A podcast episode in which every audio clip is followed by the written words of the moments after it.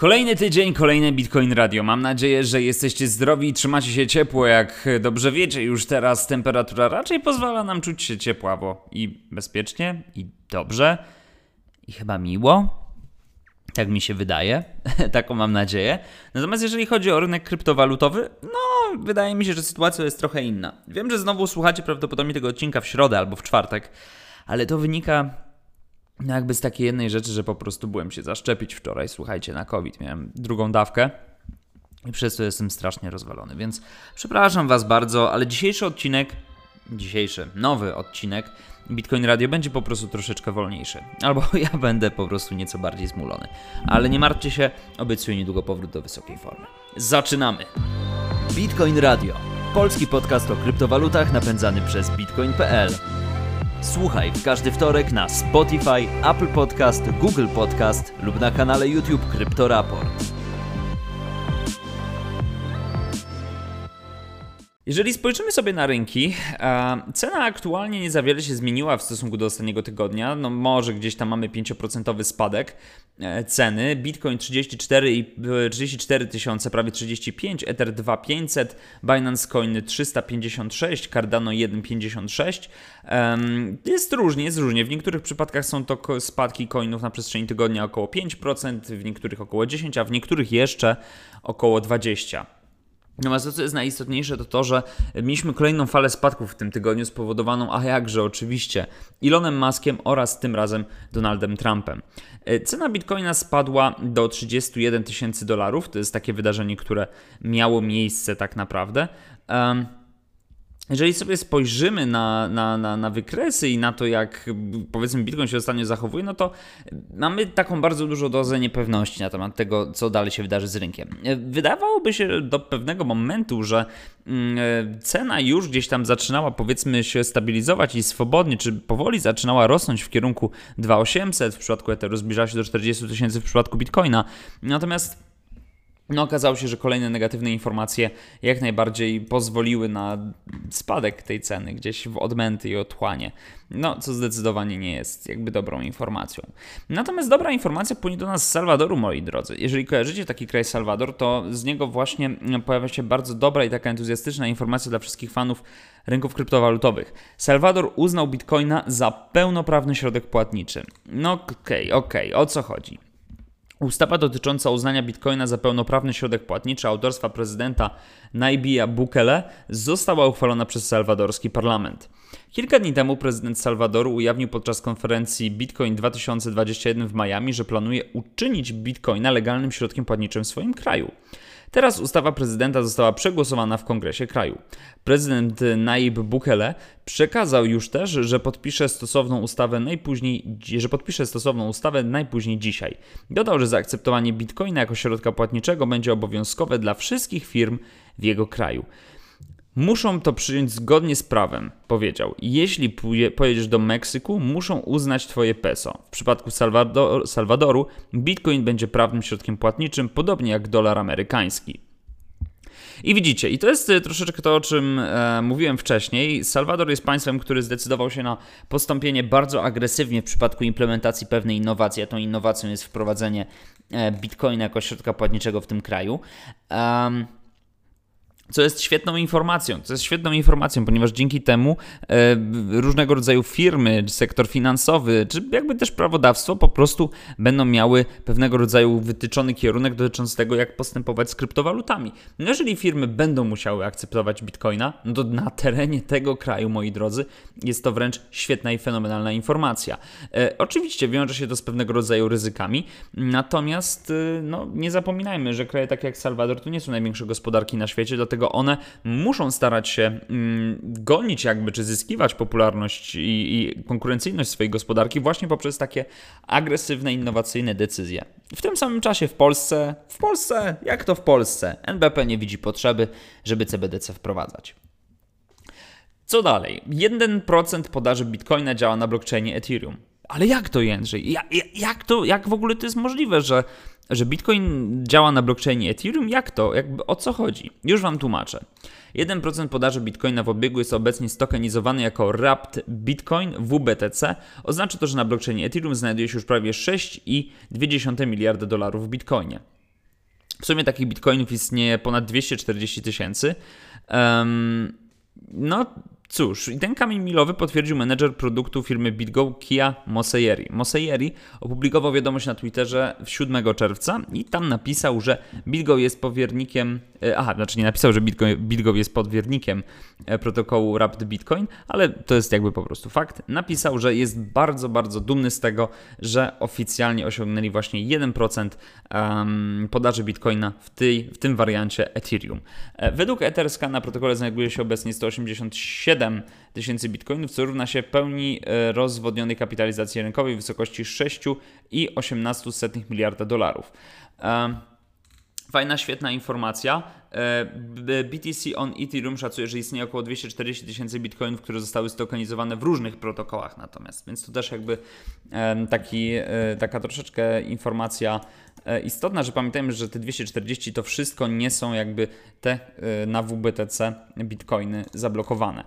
Fajna rzecz jakby, rosnąca popularność DeFi, czy, czy w ogóle temat związany gdzieś z tym, że szukamy jakby alternatywnych rozwiązań, jak chociażby takiego bitcoina przenieść na inne sieci, na inne kanały, no to jest całkiem interesujący temat i myślę, że bardzo ciekawa nisza. Więc widać, że poza tym takim spekulacyjnym elementem, spekulacyjną wartością E, tokenów.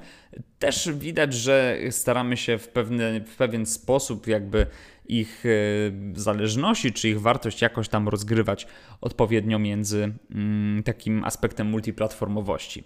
E, bardzo fajna, bardzo dobra informacja. A teraz będzie jeszcze petarda. Teraz petarda, moi drodzy, będzie. Trump po raz kolejny atakuje Bitcoina. Tym razem mówi, że Bitcoin to scam. Były prezydent Stanów Zjednoczonych po raz kolejny zaatakował kryptowaluty. W wywiadzie dla Fox Business powiedział, że jego zdaniem Bitcoin to scam. Moja opinia jest taka. Walutą tego świata powinien być dolar i nie sądzę, że powinniśmy mieć na świecie te wszystkie bitcoiny.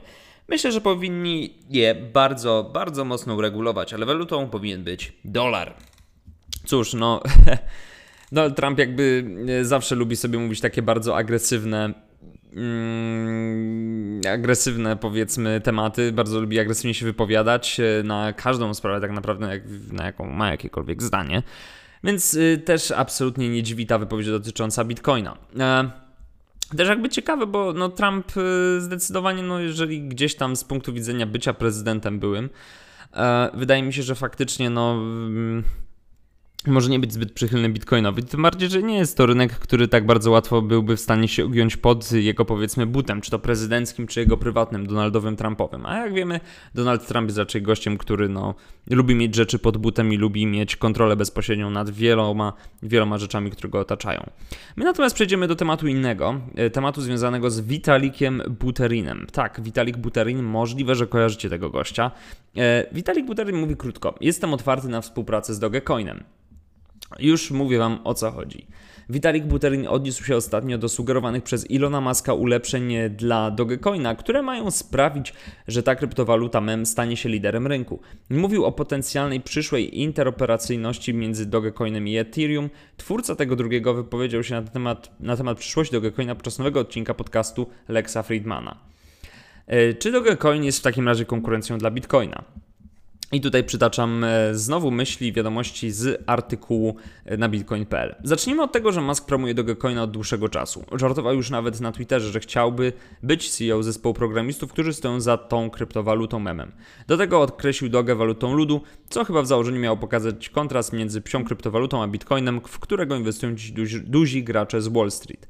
Lex Friedman, prowadzący podcast, którego gościem był Buterin, rozpoczął interesujący nas segment wywiadu, przypominając wszystkim, że w połowie maja Musk powiedział, że Dogecoin pokonałby Bitcoina z rękami w kieszeni. Warunkował to jednak tym, że twórcy Doge musieliby wprowadzić kilka ulepszeń. O jakie poprawki chodzi? Konkretnie o trzy rozwiązania. Po pierwsze, Doge powinien cechować się dziesięciokrotnie szybszym czasem kopania bloków w swojej sieci. Poza tym sama większość bloku powinna zostać zwiększona dziesięciokrotnie.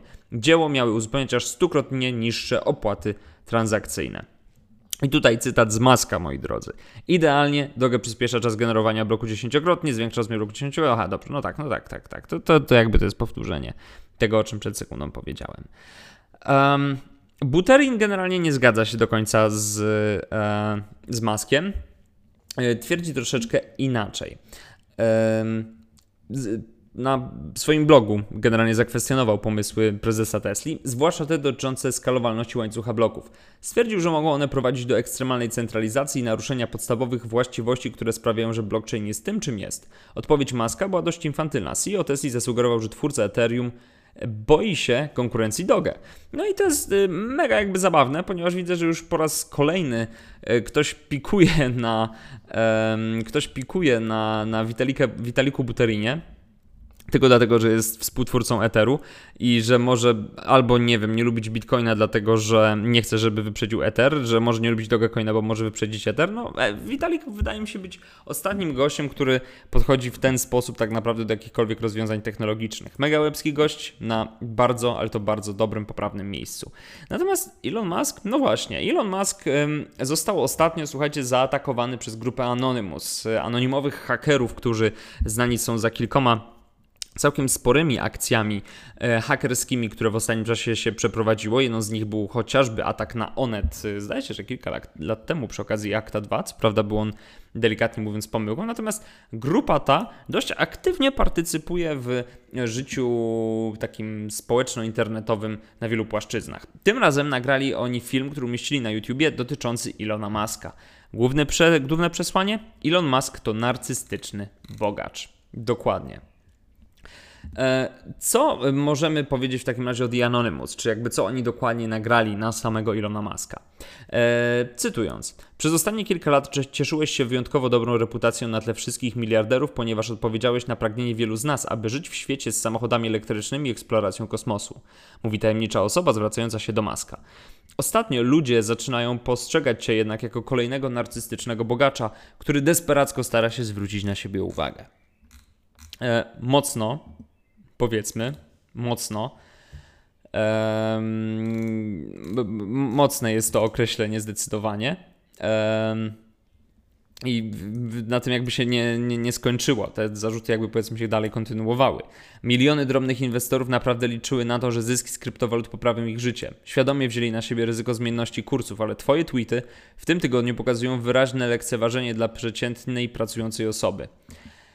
I tradycyjnie na sam koniec jesteśmy Anonymous, jesteśmy Legionem, spodziewajcie się nas. E, czy to znaczy, że Elon Musk może się czegoś obawiać? Ciężko powiedzieć. Natomiast y, przesłanie to e, z tej takiej organizacji, która dość mocno powiedzmy atakuje e, takich, takie, takie, takie, takie dość krzywe persony jak Elon Musk w ostatnim czasie, no jest e, myślę takim sygnałem pozytywnym o tyle, że może większość ludzi zda sobie sprawę z tego, że ci bogaci ludzie naprawdę y, nie są, nawet jeżeli shilują bitcoina czy inne kryptowaluty, nie są przyjaciółmi ludu. Nie, po prostu nie są. I tyle.